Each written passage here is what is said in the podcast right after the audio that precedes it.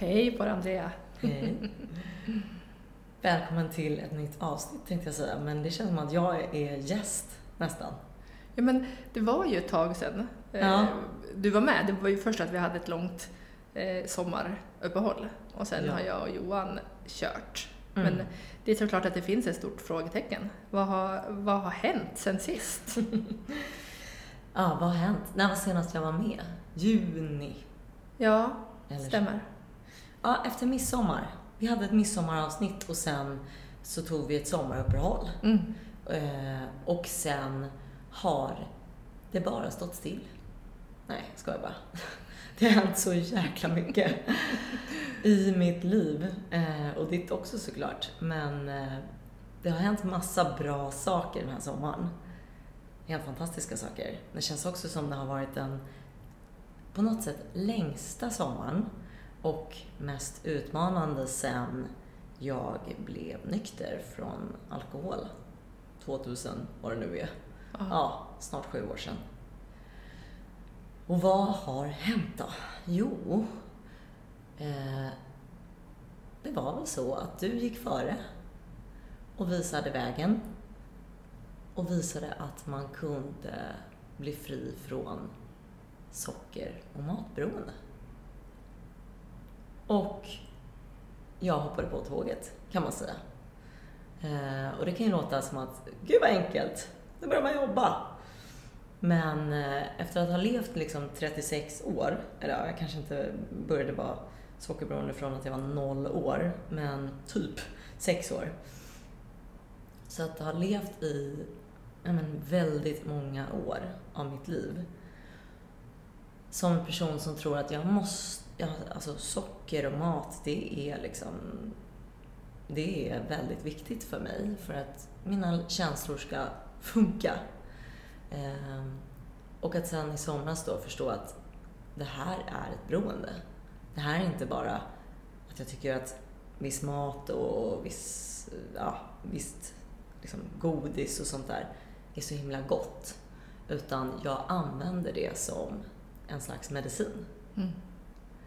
Ehm, ja, Mm. så att... eh, Ja, jag förstår då att det, har, att det har hänt grejer och jag har ju såklart varit med på, på vägen här. Så att, eh, men det är så fantastiskt att få höra dig berätta om det och att, att få ihop mest utmanande och att det var bland de bästa, var det det du sa? mm.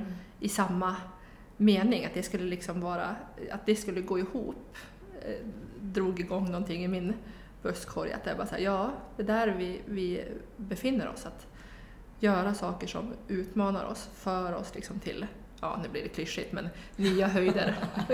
Jag har faktiskt lärt mig ett nytt ord. Scare sighting. Och det är Ah. alltså scary exciting. Eh, för jag hörde någon coach som sa att man ska göra en scare sighting sak om dagen.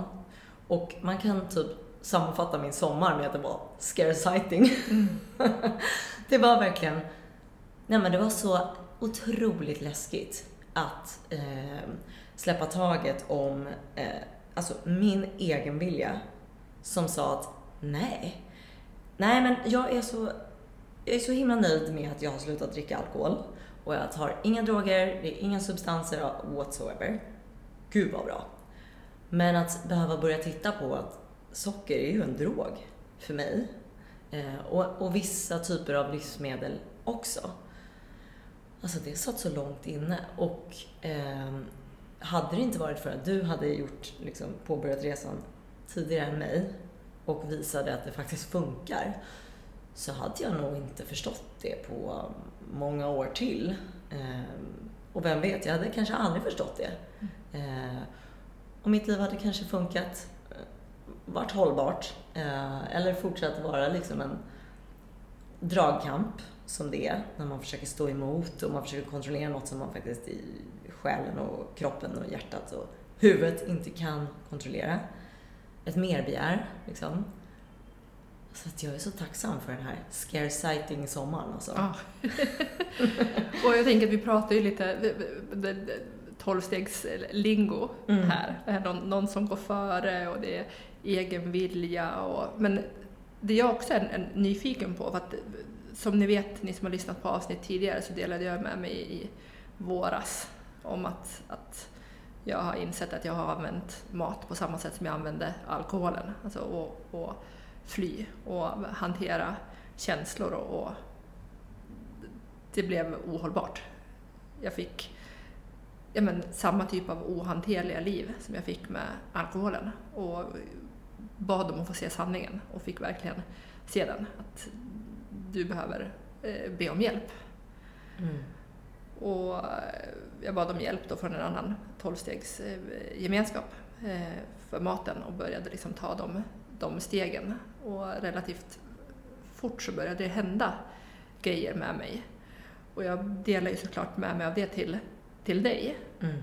Men kommer du ihåg vad det var som, som fick dig att, att börja tänka till eller någon polett som trillade ner eller vad, vad hände liksom? Alltså jag har ju, jag har ju hört dig dela om liksom, ja, det här med mat och sånt under flera år. Liksom. Lite här och lite där. Liksom. Eh, och jag själv har ju varit alltså, medveten om att jag har ett eh, problem. Liksom. Eller inte medveten om att jag har ett problem, men jag har haft någonting jag försöker hantera hela tiden. Och sockret, och nu är det uppehåll och jag ska ta en paus nu och eh, sådär. Så att liksom, det har ju varit med i mitt liv för alltid. Liksom, det här eh, att försöka kämpa emot och vara lagom och sådär.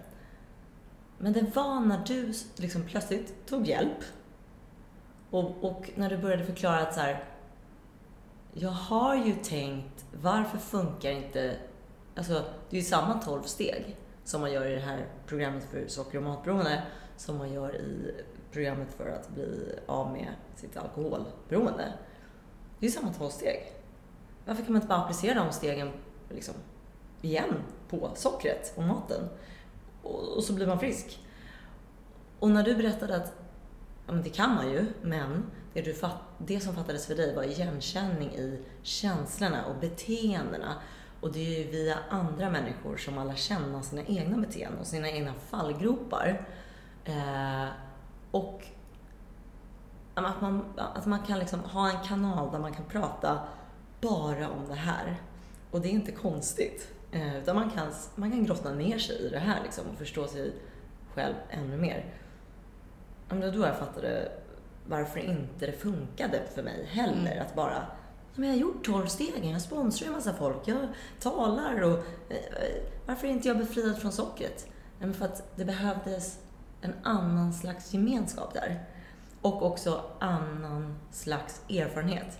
För det, det man lär sig om alkohol och droger, det är ju liksom sluta med alkohol och droger. Men man kan inte sluta äta. Ja.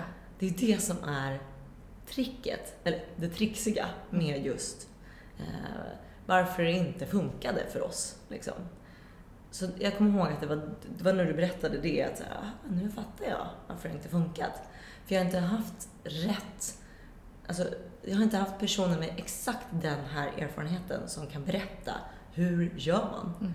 Jag har haft personer som har samma sjukdom men inte exakt den här erfarenheten. Som inte kan berätta exakt vad ska jag göra. Eh, ja, och det var ju så coolt. Mm. Sen nådde jag ju min botten där i början av juni. Eh, ja, men jag vet inte hur, jag, liksom, hur mycket jag ska gå in på det, men eh, alltså inte för att jag tycker att det är jobbigt, men för att ja, det, det var liksom det var en dag kan man säga där jag bara fick se sjukdomen i vitögat. Eh, och, och det är liksom inte så... Det behöver inte vara så dramatiskt. Det var inte dramatiskt utåt sett. Ingen i min närhet tyckte ju att jag var konstig. Men jag gick runt en hel söndag från morgonen, så tänk, för jag hade då ätit socker dagen innan. Och när jag äter socker så triggas min allergi igång och då vill jag ha mer socker. Eh, så nästa dag när jag vaknade på söndagen, eh, hade ätit massa, massa, massa godis på lördagen. Hade tänkt, ja men söndag, nu, nu börjar vi, nu ska vi vara fräscha. Och sen kommer det måndagen. Liksom, lite samma som när man är på att dricka alkohol. Så var det söndag och jag skulle åka med liksom, barnen till en sån här trampolinhall. Eh, det enda jag tänkte på var bara, okej, okay, ska, jag, ska jag äta en croissant till frukost eller inte? Ska jag eller inte? Ska jag eller inte? Ja, bara där var det sjukt mycket energi som gick åt till att fatta ett beslut och försöka liksom hålla emot. Bara, nej. Eh, och det handlar inte om att jag är rädd för att jag ska bli tjock om jag äter en croissant. Liksom. Men det handlar om att om jag äter en croissant, då har jag tagit ett beslut. Nu hoppar vi på det här tåget. Mm. Du vet ju vilket tåg det är. Ja, då, det... vi vet det. Så mycket har vi, har vi lärt oss i alla fall. Mm. Att, att, vi vet att öppna upp den här porten, mm. croissantporten kallar vi den här. ja, exakt. Då skapas det ett, ett merbegär som vi inte vet när det kommer att ta, ta slut. slut.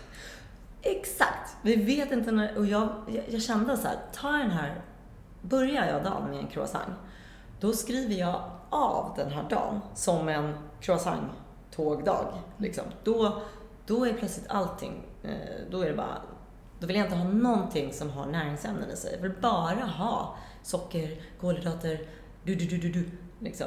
Eh, för då har jag så retat igång den här eh, allergin, jag får en stressad hjärna och jag tror att det enda som ska lugna min hjärna då är mer socker. Mm.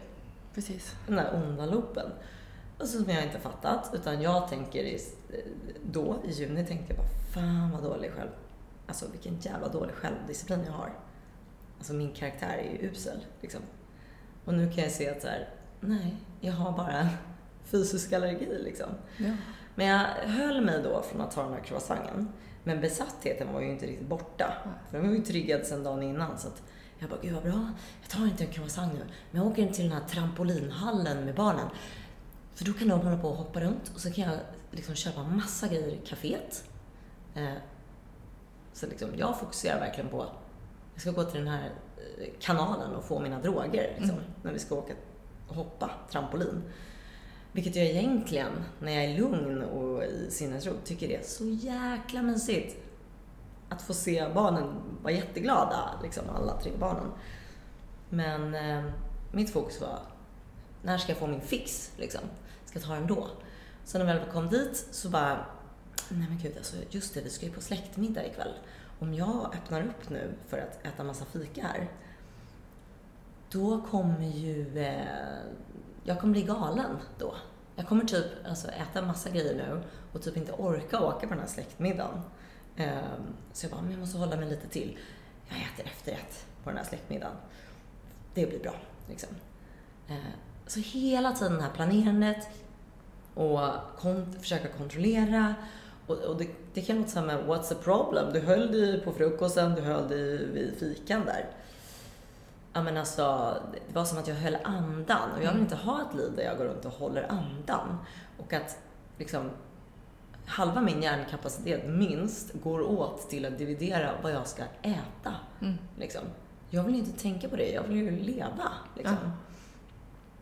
Ja, men sen så slutade det liksom med att vi var på släktmiddagen och när den här efterrätten kom liksom, åkandes till mig, då var det liksom som att jag bara, nu smäller det. Och då har jag glömt att jag typ, ja men dagen innan har sagt till Kimmen, min man. Alltså jag ska aldrig mer äta socker. Alltså om jag försöker äta socker, stoppa mig då. Så det här är precis likadant som den här eh, nationalsången för, för alkoholister. Ja. Aldrig mer. exakt. Alltså exakt. Alkoholistens nationalsång. Aldrig mer. Men eh, det hade jag glömt. Så jag var ju redo på att sleva upp den här äppelkakan eller vad det nu var. Och, så, och då tar Kimmen hela pajen, eller äppelkakan eller vad det nu är, och bara nej älskling, du ska inte äta socker. Och han, han har berättat i efterhand att han har aldrig, alltså jag har aldrig varit så stark som greppet jag höll kvar i den här pajformen. Jag bara höll i den och han drog liksom. Han bara, men älskling du, du, du sa att jag skulle säga till dig, så nu säger jag till dig. Du, du vet hur det blir. Och liksom, han skiter ju i att alla tittar så här, vad fan håller Kimmen på med? Hon är så smal, hon måste få äta efterrätt liksom. Um, vad håller han på med? Så här. Men han vet ju att så här, det här handlar inte om något annat än att äter jag den här äppelkakan, då blir jag galen. Då, blir jag, då, då rinner all sinnesro ut, eh, jag vet inte, down the drain eller vad man nu säger. Mm. det här är yttersta beviset på när det har slutat funka, Mm. tänkte jag. Det finns, det finns ingen sinnesro eh, innan.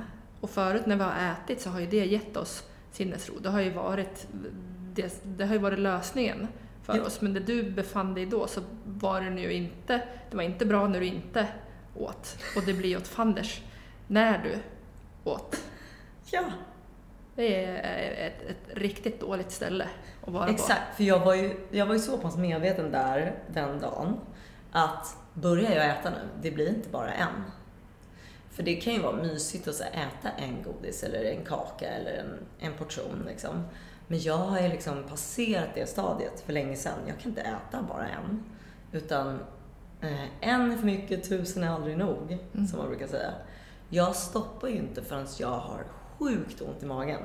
Ehm, och jag menar alltså fysiskt omöjligt att äta mer. Mm. För att när det gäller lagom så finns inte det i min vokabulär. Det ordet finns inte när det gäller socker eller mat som jag då har förstått att jag är allergisk mot helt enkelt. Eh, mat som är typ full av snabba kolhydrater ungefär. Eh, ja, så det blev ju en lite pinsam tystnad där när han liksom roffade åt sig efterrätten från lilla mig. Liksom, som inte då ska äta efterrätt. Men jag eh, var ju liksom lite mån om att så här, eh, inte tappa ansiktet så jag bara, "Haha, nej men just det, så sa jag igår. Alltså jag eh, drack väl mitt kaffe men började genast i huvudet planera att när vi kommer hem från den här släktmiddagen då kanske Kimmen, han kanske ska gå och lägga sig. Då kan jag äta glass Mm. och kolasås och allt möjligt. Sen. Alltså, så det, det var ju liksom...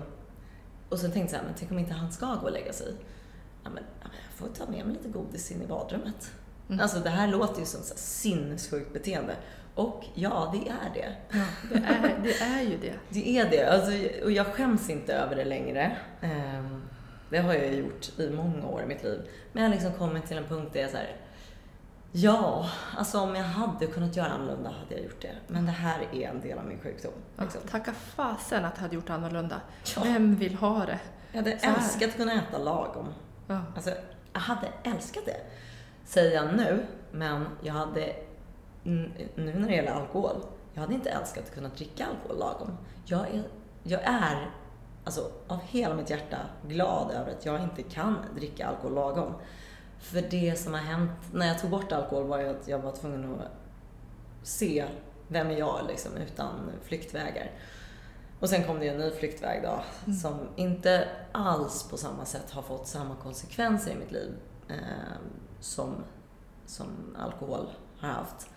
Det har mer varit en, alltså ärligt talat, en mental konsekvens när det gäller sockret. Eh, snarare än fysisk liksom. Eh, alltså klart man får ont i magen och jag har mått väldigt illa i sådär. Och, eh, men det har varit den här mentala delen att jag känt mig kidnappad av alltså socker. Mm. Liksom. Så att jag, jag, jag har ju redan börjat känna att så här, nej men jag, jag, är- jag är ju glad faktiskt att jag jag är ju glad att jag inte på något sätt kan äta socker heller lagom. Fast jag, jag tror fortfarande är en liten sorgeprocess. Att jag fortfarande känner så här, nej men det hade varit mysigt. Liksom. Ja. Typ igår, min syster och eh, hennes kille och, och lilla barn kom förbi och så att vi, alla förutom jag, bullar. Mm. Och det var ju min stora passion liksom, förut. Eh, nej men alltså min, an, min andra kärlek. Ja. Eh, men det var inte jobbigt. Det var inte att jag kände så här, fan vad hemskt det här är. Jag, jag, liksom, jag känner, eh, det hade varit mysigt om jag också kunde äta bullar, men jag vet ju att jag inte kan. Jag hade ätit upp hela kanellängden själv liksom. Eh, så att, Mm. det är inget mer med det. Och det väl egentligen det hela alltet går ut på att förut i livet var det ett jävla dividerande. Alltså fram och tillbaks. Energin bara åker åt fel håll. Och när man bara tar bort liksom möjligheten att fatta ett beslut om att äta socker, bara nej men det, det, det kommer inte hända längre. Då blir det inte en massa dividerande. Nej, här är ju, börjar ju friheten. Ja. Alltså det som hände då i sista delen av det här dygnet var ju att jag fick inte någon äppelkaka. Satt där under middagen och funderade på hur ska jag smussla till mig lite, hur ska, hur ska jag komma upp i rätt kvot av sockerinnehåll i min kropp? För att jag ska kunna bli lugn nog att gå och lägga mig. Mm. Liksom. Eh, och det, den kvällen så var det ett konvent, alltså ett Zoom-konvent i det programmet som vi båda har fått hjälp av. Som du hade berättat om. Alltså just den kvällen liksom. Så när jag då kom hem från den här middagen och tänkte att så här, nu jävlar, jag ska ta med mig en massa godis, jag ska liksom gömma mig och äta det här godiset för mig själv. Mhm. Så har jag för mig att du skickade ett sms eller om du kanske påminner om att ah, det här är länken till konventet. Eller så var det att jag hade skrivit in i kalendern och det ploppade upp så här, nu är det dags för konvent. Ja men typ 8.30 eller vad det nu var. På kvällen, eller 8 eller 7. Kommer inte ihåg. Men så jag gjorde liksom, det var ett window of opportunity. Jag var precis på väg att så här, nu, nu har jag väntat. Jag har varit så jävla duktig hela dagen. Inte ätit någonting. Nu ska jag få släppa loss. Mm. Och så var det en annan röst som sa så här, men innan du släpper loss och bara går loss på den här kolasåsen och choklad och bla bla bla. Så kanske du ska bara kika in på det där Zoom-mötet och se vad det är för någonting. Och sen när du har gjort det, då kan du ju faktiskt, då kan du släppa loss. Mm. Med gott samvete. så slutade det med att jag eh, satte på lurarna, liksom, eh, nattade barnen medan jag lyssnade liksom, på talare. Och eh, alltså bara la mig i deras rum där de sov och bara lyssnade och, och började liksom gråta medan jag lyssnade. Och jag var tvungen att dubbelkolla massa gånger att jag inte hade på ljudet så man bara, det ligger någon och gråter mitt i någons tal typ. Eh, det var säkert inte bara jag som grät för man, jag blev så sjukt berörd av att höra eh, de här personernas eh, life stories och att höra min life story utifrån perspektivet socker och mat. Mm. Liksom. Eh, och efter det så tror jag att jag ringde till dig. Eller att jag messade dig. Jag ringde till dig och, tror jag, och sa att jag, jag vet inte, Nej, tappat inte, kontrollen. ja. jag kommer inte heller ihåg det. Jag kommer bara ihåg att vi pratade där efteråt och, och vad, vad det var som hade skakat om Mm. dig i en, en, en, en av kvinnornas Ja, eh, tal. ja, var Som inte handlade det... om, om kidsen. Ja, kommer inte ihåg exakt vad det var, men gud vad fint att du påminner om det. För det var, det var den aspekten som var att jag, alltså, jag vill inte...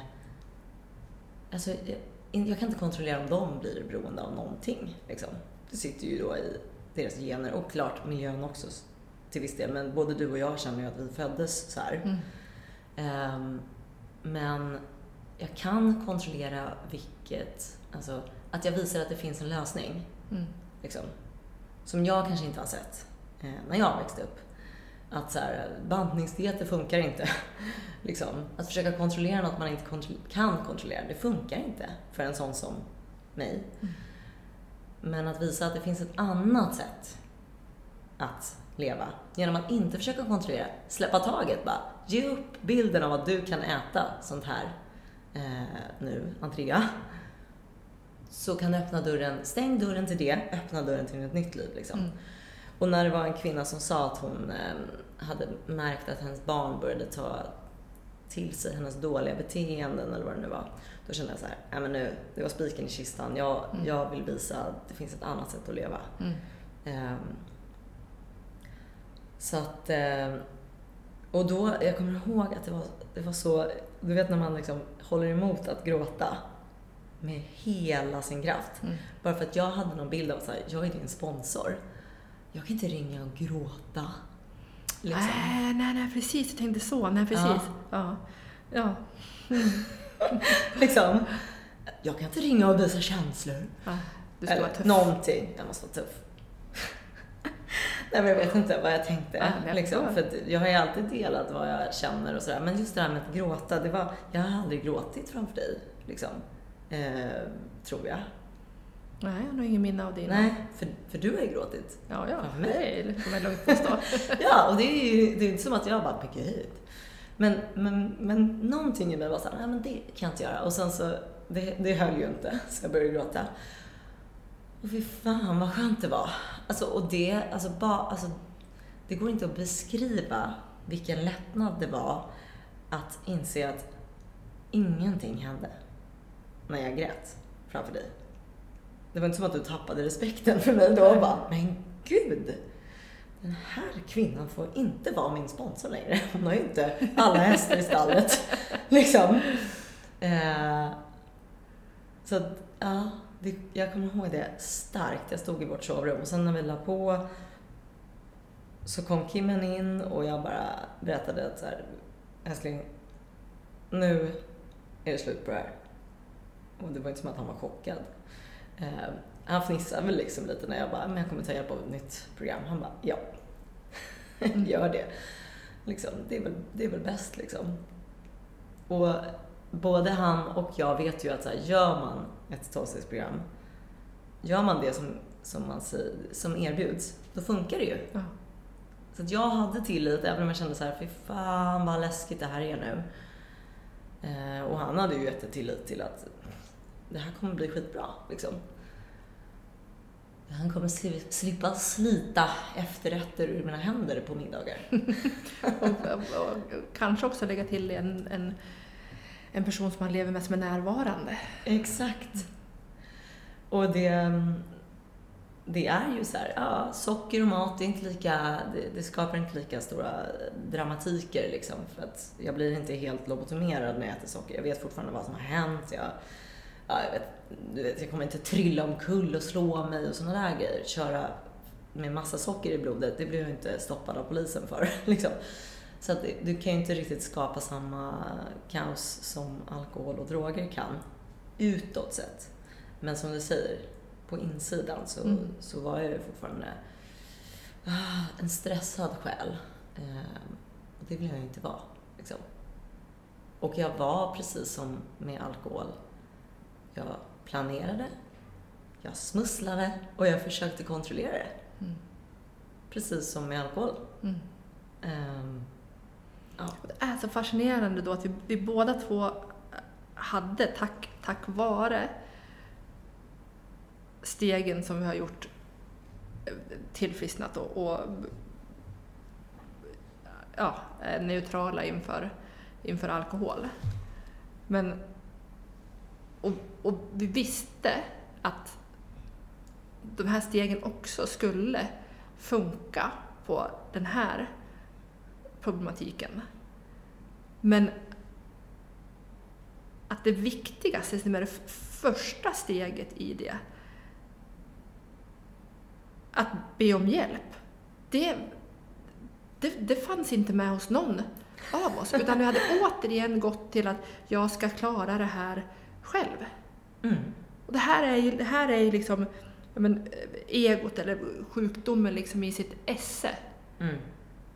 Du ska klara det här själv. Alltså jag kände ju fram tills då i juni, jag vill inte ens ha hjälp med det här. Nej. Jag vill inte ha hjälp. Jag hade kunnat fråga dig, ja ah, men gud du verkar ju må så himla bra nu, det har gått jäkligt fort dessutom. Eh, vad har du gjort? Men jag vill inte ha hjälp. Nej jag ville fan kontrollera det här på mitt sätt. För jag tyckte inte att jag hade ett så stort problem. Och det är ju en del av den här sjukdomen. Den vill ju att vi inte ska tro att vi är sjuka. För då får de fortsätta att frodas. Mm. Det är en listig, falsk och stark sjukdom. Ja. Något så djävulskt. Och det har vi fått erfara båda två nu. Med att, att behöva varje dag äta. Mm men samtidigt eh, inte äta det som vi går igång på, alltså det som är mm. alkoholistiska maten eller vad ska vi säga, trigger, triggermaten ja. som, som väcker igång eh, allting. Och, och det är ju ännu mer vi behöver liksom vara på, på utkik efter. Ja. ja, för det är det som är det tricky, att eh, liksom, det står ju inte på livsmedel så här, innehåller triggers. Liksom.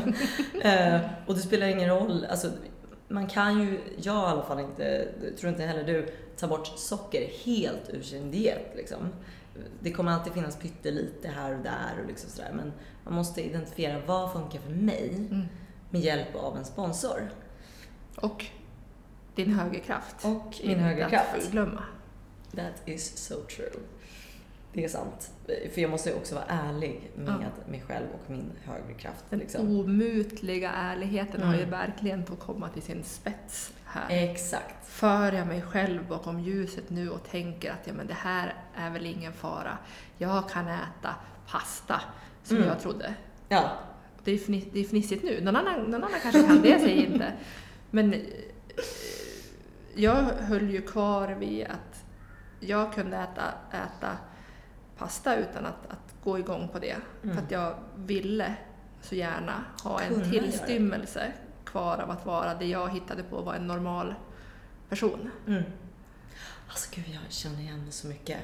Och det där är så roligt att det var samma sak när jag skulle bli nykter. Att hålla kvar någonting som, men, men jag vill ju vara en normal person. Mm. Och vet du vad som hindrade mig från att liksom, ta steg? Alltså jag höll ändå, "Ja, jag vill inte bli nykter för att det här är alltså då innan jag ens är förlovad på många år. Jag, jag är inte ens förlovad, men det som höll emot, jag bara Gud, vad, alltså, tänk om jag någonsin, tänk om jag gifter mig. Vad ska jag dricka på min bröllopsdag då? Ja. Om jag är nykter? Vem fan bryr sig? Jag Ja, kanske men- har delat det i podden tidigare, men jag, när jag gifte mig förra året, jag brydde mig inte ett skit om vad jag drack den dagen. Nej. Jag tror jag drack vatten hela dagen och liksom kunde inte bry mig mindre om vad jag drack. Men tack för att du säger det. För att det jag kom fram till tillsammans med min sponsor då i, i den här gemenskapen var att jag höll fast vid pastan för att när jag blir bjuden på dejt så, så är det, det är bra om man kan äta pasta då. för då framstår jag som att vara en, eh, ja men, eh, eh, vadå? Jag vet inte. Nej. En livsnjutare kanske? En, ja, men, någon som liksom är vettig och, och presenterar för sina föräldrar. Vem- Okomplicerad. Ja, precis. Det där. Okomplicerad. Och det är bra. Mm. Vilket... Det är så jäkla stort. Jag fnissar så mycket nu för att det är så mycket igenkänning. Ah. Så jag dör. Ja, men gud vad roligt. Ja. Men den sista ingrediensen som du sa här är ju väldigt viktig. Du pratade om window opportunity som, som öppnar Mm. upp sig. Och det är ju villigheten. Mm. Sluta kämpa villighet. Utan den så kan vi ha hur mycket alltså, teoretisk kunskap som, som eh, helst. Mm. Men utan den delen, att vi Ja. blir villig, så kommer vi inte kunna göra någonting. Och alltså jag det kan ju påminna om det, vi är inte religiösa. Det här, vi är ju spirituella när vi pratar om en högre kraft eller sådär. Ja, andlighet. Andlighet, exakt. Och att man hittar sin egen kontakt med någonting större. Mm. Liksom. Och det, det har ingenting med någon religion att göra. Eh, även om i tolvstegsprogrammet så nämns ordet Gud, men nu handlar det ju om alltså en kontakt med någonting större. Din egen högre kraft. Liksom. Mm. Din egen högsta potential, din kontakt med universum, din kontakt med att du är inte bara en ensam del, du är en del av någonting större. Mm. Du är en del av det hela. Liksom. Mm. Ehm, Och att det här, finns, det här finns i oss. Det är ingenting som vi, vi ska hitta utanför oss. Utan Nej. det här finns i vår kärna, kan vi väl Mm. hitta på. Eh, och sen så har vi eh, lagt en massa bråte och grejer över det här. Så att vi är liksom inte uppkopplade. Utan vi styrs av massa ja, men, föreställningar om hur saker och ting ska vara och vem jag är vad som är rätt och fel. Och, och då får massa saker dundra på bara i... i, i ja, man bara kör. ja. Och när jag bara kör och känner att jag är en gnutta trött, då vill jag bara ha godis. För Mm. att liksom, jag kör ju bara. Och jag lyssnar inte på vad som är bra för mig. Eller vad, vad, är liksom, vad säger min magkänsla? Vad säger mitt sanna jag? Jag lyssnar bara på den liksom, snabba eh, tanken. Vad vill jag? Liksom. Och sjukdomen frodas ju i vad jag vill. Vad vill jag? Min egen vilja. Men eh, den högre makten, eller min, mitt sanna jag, min sanna röst, eller magkänsla vad man säger, det är ju, alltså vad vill jag i grunden? Mm. Eh, vad vill jag egentligen? Vad behöver jag? Mm. Liksom. Hur, kan jag Eh. vara, hur kan jag vara en, en, en god medmänniska? Mm. Och den, den, eh, ja, den är svår att komma i kontakt med när hjärnan är stressad, kroppen är stressad och man är liksom fast i den här besattheten. Men jag hörde ett uttryck som var att eh, Gud, eller vår högre makt, kommer till oss genom andra människor. Ah. Och det roliga är att ibland kan jag känna när jag hör folks stories om hur har de kommit in i programmet eller hur, hur tog de hjälp. Och då känner jag så här, ja men det var ju så tydligt att så här, hade jag suttit där och haft ett window of opportunity och insett att gud, jag är helt galen när det kommer till socker. Men du hade inte berättat att just det, är du galen när det kommer till socker, då finns det en lösning och här är den. Och ikväll klockan åtta så kan du lyssna på den lösningen. Så, så liksom min högre makt kommer ju till mig via dig i det fallet. Mm. Eh, och det är så jäkla fint. Det var exakt samma sak när jag blev nykter i, från alkohol. Mm. Jag nådde min vråligaste totala botten. Ja, och just då så får jag liksom ett nummer till en person som är, är nykter och som jag har tidigare träffat i mitt aktiva liv och som är så himla fantastisk så att han erbjuder sig att komma hem till oss och ta med mig på ett möte, bla bla. Alltså, snacka om att högre makten kommer till mig via andra människor. Ja, men vi har varit med om det så många gånger nu så det går liksom inte att, att förneka det. Det blir liksom löjligt att Nej. göra det, hur, hur, hur det går till. Nej, exakt. Nej, det är, det är så fint. Det, är, det här var liksom en liten försmak kan man säga på The Scare Sighting Summer. och vad det var som började ske då. Ja. Du hade ju kommit en bit i din resa med eh, liksom, det här med socker och mat. Jag påbörjade min resa då, liksom där i juni. Eh, to be continued.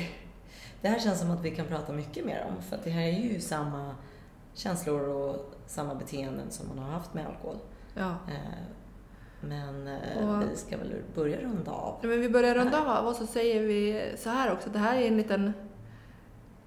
Det här är ju en eh, alternativ Mm.